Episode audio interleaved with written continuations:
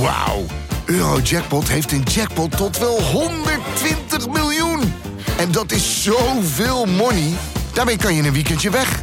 Met je vrienden. In space. Koop je lot in de winkel of op eurojackpot.nl. Eurojackpot. Een spel van Nederlandse Loterij. Speelbewust 18+. Plus. Pieter, goedemorgen. Goedemorgen, Jarno. Aflevering 2 van de VIWK ZSM. Ja, je, je loopt buiten. Het is ijskoud, het regent. Je komt hier binnen en er zijn allerlei Sinterklaas en kerstspullen, dat weet je.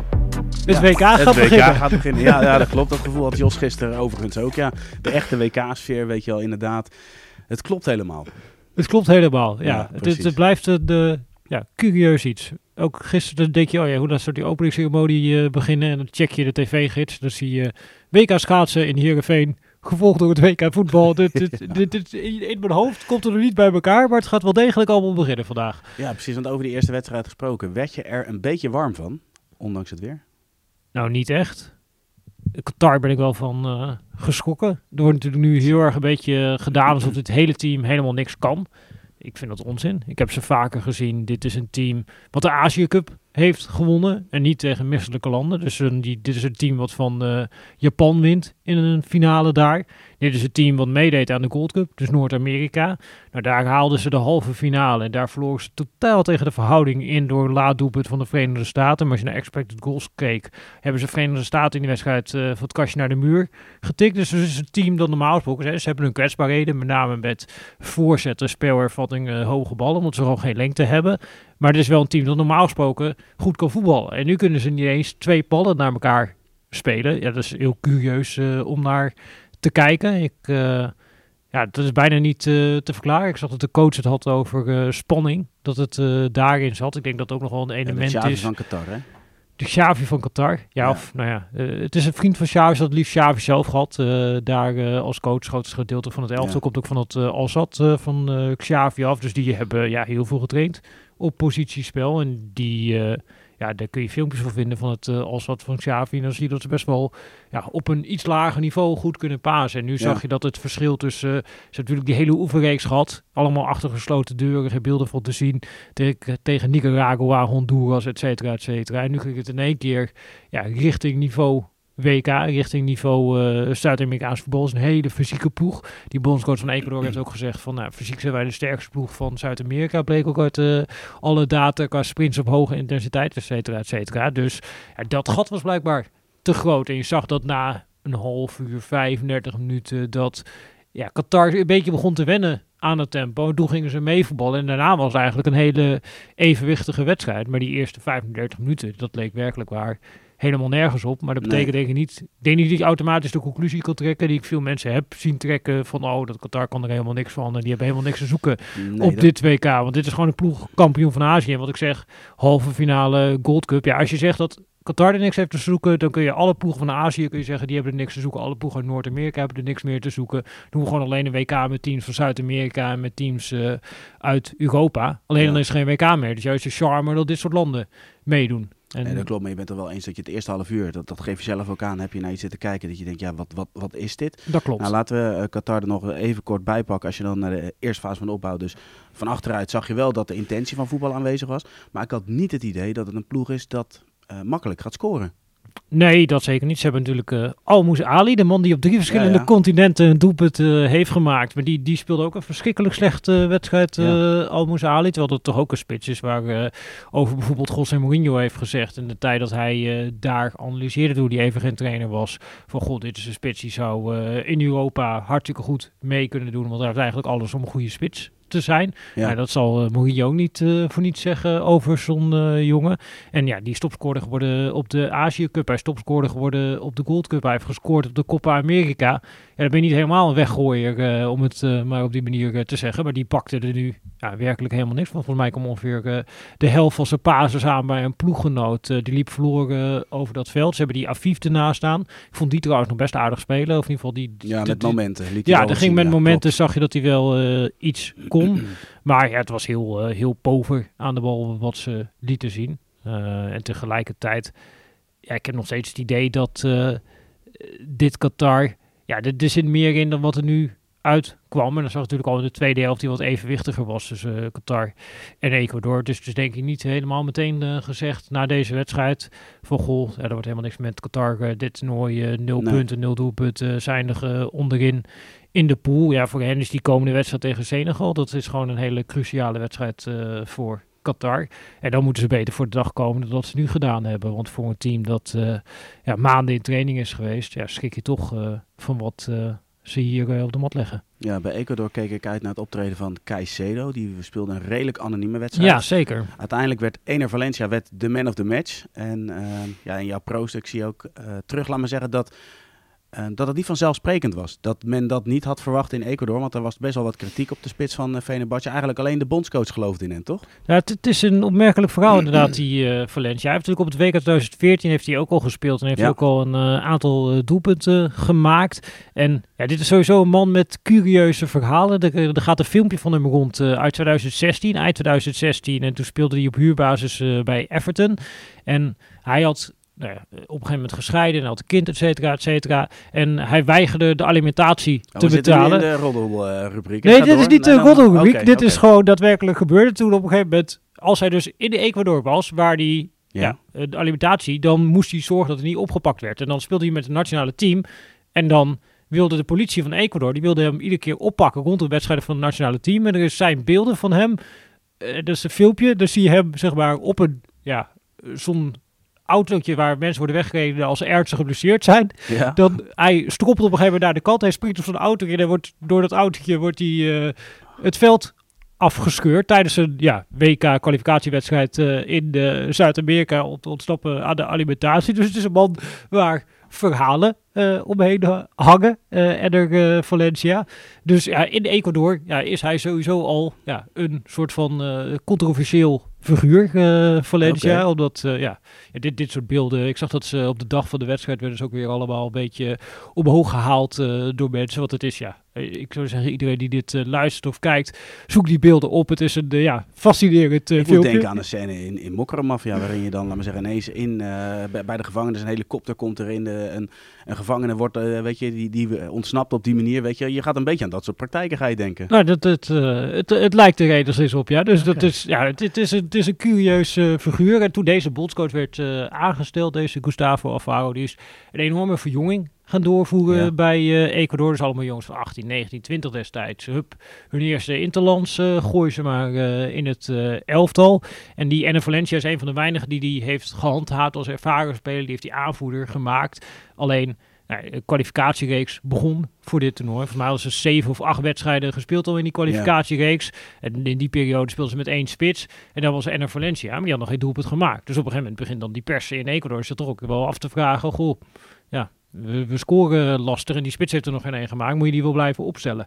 En nou, toen is er een fameuze persconferentie geweest. Deze bondscoach heeft een boek geschreven over de weg eh, van de Ecuador uh, naar het WK. Daarom heeft hij uit de doeken gedaan van nou, hoe dat gegaan is. En hij had het gevoel, omdat hij zag dat... hij was niet alleen zijn spits, maar hij was ook zijn aanvoerder.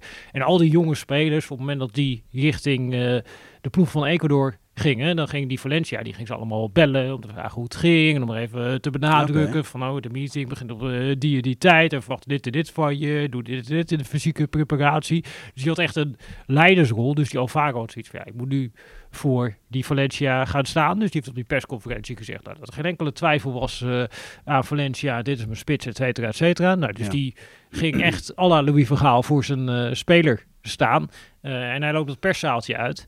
En wie loopt hij tegen het lijf? En Valencia, die net die persconferentie uh, had uh, zitten kijken. Dus daar, daar ontstaat een soort van ja, gesprek. En uh, nou, die Valencia die zegt, ja, ik wil je eigenlijk tot de wedstrijd niet spreken en je dan te bedanken met het doelpunt, maar ik ben blij uh, dat ik je hier tegenkom. En uh, die bondscoach doet er nog een schepje bovenop. Ja. En die zegt, jij verdient het vertrouwen en ik ga voor jou staan. Als een van ons aanvallen, vallen ze iedereen van ons aan. En jij bent mijn man. En ik ben er zeker van, jij gaat tegen Bolivia, daar gingen ze tegen spelen. Jij gaat spelen, jij gaat scoren en wij gaan winnen. Als dat op die manier gebeurt, dan wil ik jouw shirt. En uh, die Valencia die zegt alleen maar, komt in orde, baas.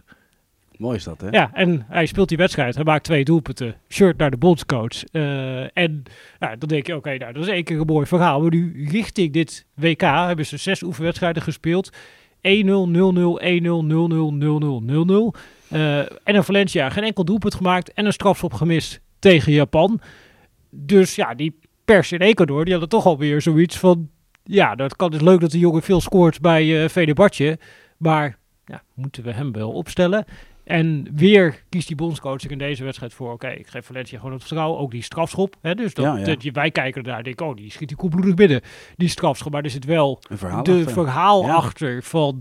joh, hij heeft tegen Japan een strafschop gemist. Uh, gigantisch veel kritiek weer op hem in Ecuador. En weer houdt die bondscoach aan en vast. En weer maakt hij uh, twee doelpunten. En dat, dat zijn toch wel ja, de mooie verhalen die bij een WK horen. Wat ook weer een soort van ja, gelaagdheid hier aangeeft. Ja. Uh, ja, en wat laat zien, zeg maar, ja, dat die band tussen bondscoach en spits slash aanvoerder, ja, gewoon best wel diep gaat. Uh, juist omdat er van buitenaf ja, heel veel kritiek eigenlijk continu op Valencia is geweest. En nu moet het. En nu staat hij er. En dan uh, maakt hij twee doelpunten. Dus dat, uh, ja, dat is een geweldig verhaal. Ja, uitstekend. Ja, want los van zijn doelpunten vond ik trouwens ook dat hij in het spel van Ecuador ook bepalend is. Hij is continu bezig. Houdt uh, de verdediging van Qatar, houdt die, die, tenminste die maakt dit structureel lastig. Hij is steeds aanspeelbaar, dus hij heeft veel meer te bieden nog. Klopt, en hij werd ook wel geholpen. Ze spelen normaal gesproken spelen ze vaak met één spits. Speelden nu ja. met twee spitsen. Estrada daarnaast voor Cruz Azul.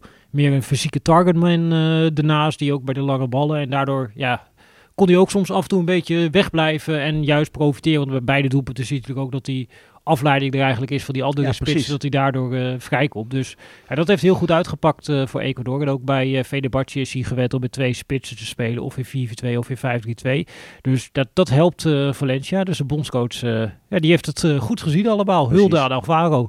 Ja, tot slot Pieter, het volk wil het weten. Gaat Ecuador het Nederland lastig maken, ja of nee?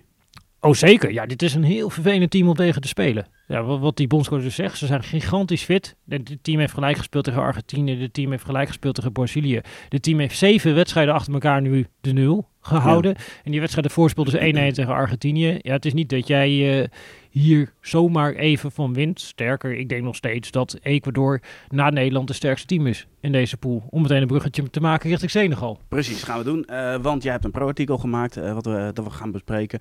Waarin je eigenlijk de drie blikvangers van Senegal benoemt. Um, je hebt het over Koulibaly, Sar, Diatta. Welke speler zou je eventjes in deze podcast kort willen bespreken? Nou, ik denk dat de meest interessante voor nu is misschien Sar. Ja, Omdat, ballen kennen we natuurlijk heel goed. Ja, en uh, Sar die, die speelt nu bij Watford op het tweede niveau. In de dribbelkoning van Watford, hè? Nou ja, dribbelkoning tussen haakjes. Omdat uh, hij gaat heel veel dribbels aan. In zijn hoofd is hij dribbelkoning. Maar in de praktijk valt het soms een beetje tegen. Dus hij is 50 dribbels aangegaan dit seizoen. En hij is er, in 20 van die gevallen is hij daadwerkelijk de tegenstander voorbij gekomen. En dat moet de vervanger van Mané zijn. Uh, dus ja, dit is een speler die heel opportunistisch is. En het gewoon ja, probeert, een mannetje wil opzoeken. En op die manier ja. zijn rol invult. En die zal waarschijnlijk aan de linkerkant spelen. Krepin Niatta speelt aan de andere kant. Ja, dat is ook meer een defensieve vleugelaanvaller. Dus ik denk dat we ja, Senegal tegen dit Nederlands elftal heel erg teruggetrokken en defensief gaan zien. En dat ze met name gaan proberen om ja, misschien een keer met de counter, misschien een keer met de lange bal, misschien een keer met de spelervat ja. in Nederland uh, pijn te doen. Maar ja, de, de voetballen, de intenties die we soms ook al gezien hebben bij uh, Senegal. Ik denk dat daar tegen Oranje niet zoveel uh, van terecht zal gaan komen. Ja, en dan gaat het in Nederland heel vaak over de linksback-positie. Maar volgens mij in Senegal gaat het daar ook veel over. Ja, dit is niet te geloven. ja, wat je daar allemaal uh, ziet gebeuren, dat, dat, ja, dat is in Nederland is het bijna niet voor te stellen. Nou, laten we even beginnen met de Afrika Cup. Toen hadden zij een linksback, Cies, en die was als opkomende linksback, toen was uh, Mané de linksbuiten, ja. was hij heel erg belangrijk. Ja, hij de buitenkant, Mané de binnenkant. Ja, precies. Ja. Dus die, uh, die speelde echt een geweldige Afrika Cup en nou, dat was eigenlijk de eerste keuze van Senegal. En die jongen liep afgelopen zomer uit zijn contract. En die heeft gewoon geen nieuwe club gevonden. Terwijl hij de hele goede Afrika Cup uh, achter de rug had. Die zit okay. nu zonder club. En die is op die manier uit het uh, nationale elftal gevallen. Ja. Dus nou, dat was de eerste linksback. Die was in één keer was die, uh, verdwenen. Nou, toen zijn ze op zoek gegaan. Nou ja, wie dan? linksback. nou, dan heb je Ballo Touré. Dat is een speler van de AC Milan. Zit daar voornamelijk ja. op de bank. Maar ja, dat was de beoogde man om dan die rol als opkomende linksachter in te ja, vullen. Precies, want in je analyse had je hem ook in de wachtopstelling staan. Ja, aanvankelijk wel inderdaad. En toen kwam zondag in één keer het eh, nieuws naar buiten dat eh, hij de laatste training voor Nederlands elftal gemist heeft. En dat hij dus waarschijnlijk niet gaat spelen tegen Oranje. Op dezelfde dag kwam het nieuws naar buiten dat ze Ndiaye, een linksachter die dit seizoen is doorgebroken bij Anderlecht, dat die is opgeroepen. 20 Oké. jaar nog nooit een wedstrijd gespeeld eh, in het nationale elftal. Die heeft rugnummer 10 gekregen, omdat hij de vervanger van Marné is. Ja, iedereen had al een rugnummer gekregen. Oh, dus hij moet moest bedenken aan Calas bij Arsenal Ja. als nummer 10. Dat kan eigenlijk niet. Maar Nee, door, dat kan sorry. eigenlijk niet Nee. inderdaad. Dus die moeten in één keer, ja, die is als Mané-vervanger eh, opgeroepen. En dan denk je, oh, waarom roepen ze linksback op als vervanger van Mané? En toen kwam rond dezelfde tijd, zijpelt het nieuws naar buiten. Ja, er is wat misgegaan met Ismaël Jacobs, de linksback van AS Monaco. Of eigenlijk de tweede linksback van Ja. AS Monaco. Speelde tegen PSV, deed hij eh, nog mee. Omdat in die periode was hun eh, eerste linksback nog eh geblesseerd. En dat was ook de tweede linksback van Senegal. Maar daar is administratief wat misgegaan, waardoor die ja, niet speelgerechtigd... Vinkje vergeten? Nou ja, daar komt het inderdaad ongeveer eh, op neer. Dus gewoon een ja, klassieke administratieve blunder. Heeft al wel in oefenwedstrijden meegedaan met Senegal. Maar nu blijkbaar bij de FIFA zijn die papieren niet goed genoeg op orde. Dat hij Jezus. waarschijnlijk kan gaan spelen tegen Nederland. Dus die ja, is er ook niet bij. En dan denk je, oh ja, wat gaat er nu gebeuren? Gaan ze dan die jongen die letterlijk gisteren is ingevlogen, moet die dan in één keer starten tegen de Nederlands zelf? Wat ze waarschijnlijk voor plan zijn, als je Senegalese media moet geloven, is dat ze Diallo, die normaal gesproken links centraal staat naast Ja. Koulibaly, die gaan ze naar linksback halen. En dan komt Koulibaly gaat van rechts centraal naar links centraal. Ja. En dan komt eh Cissé van Olympiakos komt er eh, in. Dus dit is een team eh, Senegal die gaan spelen met drie centrale verdedigers achterin. Met drie verdedigende middenvelders op het middenveld. Met Diatta die bij Monaco eigenlijk alleen speelt. Omdat hij heel defensief is ingesteld als eh buitenspeler. Als je naar zijn Ja. individuele kwaliteiten gaat kijken eh, en de visualisatie daarvan. Zie je dat hij eigenlijk als vleugelspits overal zwaar onder de maat scoort. Behalve in eh, ja, blokken, intercepties, tackelen, et cetera, et cetera. Dat, dat is dan de rechtsbuiten. Linksbuiten die speelt op het tweede niveau in Engeland. En dan hebben ze Dia als spits. Iemand die ergens in de Serie A eh, uit de voeten komt. Dus Ja. ja, dit is een team wat ja, gewoon gigantisch defensief is, gigantisch fysiek is. eh, en maar ja, met één doel die wedstrijd tegen Nederland gaat spelen. En dat is eh, om het zo lang mogelijk dicht te houden met elkaar. Ja, ja, dan hebben we gelijk een bruggetje naar het volgende. Want ehm, in dit geval de video van, met Simon Zwartkruis vanuit Qatar. Die is het meest bekeken op eh VI Pro. Daarin gaat het over Gakpo, gaat het over Noppert, maar ook over Memphis. Ehm, ja, als je dan zo gesloten defensie gaat krijgen, dan zullen we Memphis misschien wel nodig hebben als invaller. Dat zou kunnen. En eh Gakpo waarschijnlijk eh, in de basis. Maar we gaan De het om tien uur... De creatieve Gakpo. Maar we gaan het om tien uur allemaal horen of onze oranje watjes die in Qatar zitten. En eh, tegen die tijd waarschijnlijk wel ongeveer weten hoe Oranje daadwerkelijk gaat aantreden tegen Senegal. Zeker, want alles van Oranje, even voor jou. We hebben natuurlijk de podcast met de mannen op locatie. We hebben er straks in de liveshow een Skype-gesprek met Martijn. Dus eigenlijk het allerlaatste nieuws kun je straks via de podcast en via de liveshow eh, terug be- beluisteren, laat maar zeggen. Ehm, dan vandaag. Niet alleen Oranje speelt, je hebt ook Engeland-Iran, Verenigde Staten tegen Wales. Daar speelt een of andere spits van Los Angeles bij Wales. Dat is ook weer leuk om te zien. Die heb ik een hele tijd niet zien voetballen. Naar welke wedstrijd kijk je los van Oranje het meest uit? Nou, ik ben wel benieuwd in de Verenigde Staten tegen Wales. Ook een beetje hoe Verenigde Staten ervoor staat. Die eh, competitie is sterker geworden, de MLS. En ja, de laatste keer dat ze meededen aan een WK was het dan vaak heel veel spelers uit Europa. Ja. Nu gaan ze waarschijnlijk met de kern spelen met wat meer spelers die ook nog in de MLS actief zijn. Ik ben wel benieuwd ja, hoe die zich dan kunnen gaan handhaven in zo'n pool met Wales en hoe dat zich verhoudt tot Wales, waar ook weer allerlei spelers uit lagere Engelse niveaus eh, in die eh, selectie zitten. Dus ja, die wedstrijd ben ik wel nieuwsgierig naar. En ik denk ja, Southgate, Engeland, dat weten we allemaal. Ja, die gaan op de nul spelen. Nou ja, Quairos bij eh, Iran, die probeert hetzelfde. Dus ik verwacht dat dat eh, niet echt een lekkere wedstrijd is om eh, in de WK-stemming eh, te komen als mensen die vanmiddag aanzetten. En misschien door dit te roepen wordt dat in één keer een gala-voorstelling. Maar ja, dat, dat ligt niet in mijn lijn der verwachtingen. Dus dat is niet per se een wedstrijd waar ik heel erg naar uitkijk. 1-0 spelervattingje. Oké, uitstekend. Dankjewel Pieter. Jongens, jullie bedankt voor het kijken en voor het luisteren. Straks om 10 uur hebben we de live show. En willen jullie alles weten van Oranje, luister dan de dagelijkse Oranje podcast. Tot ziens.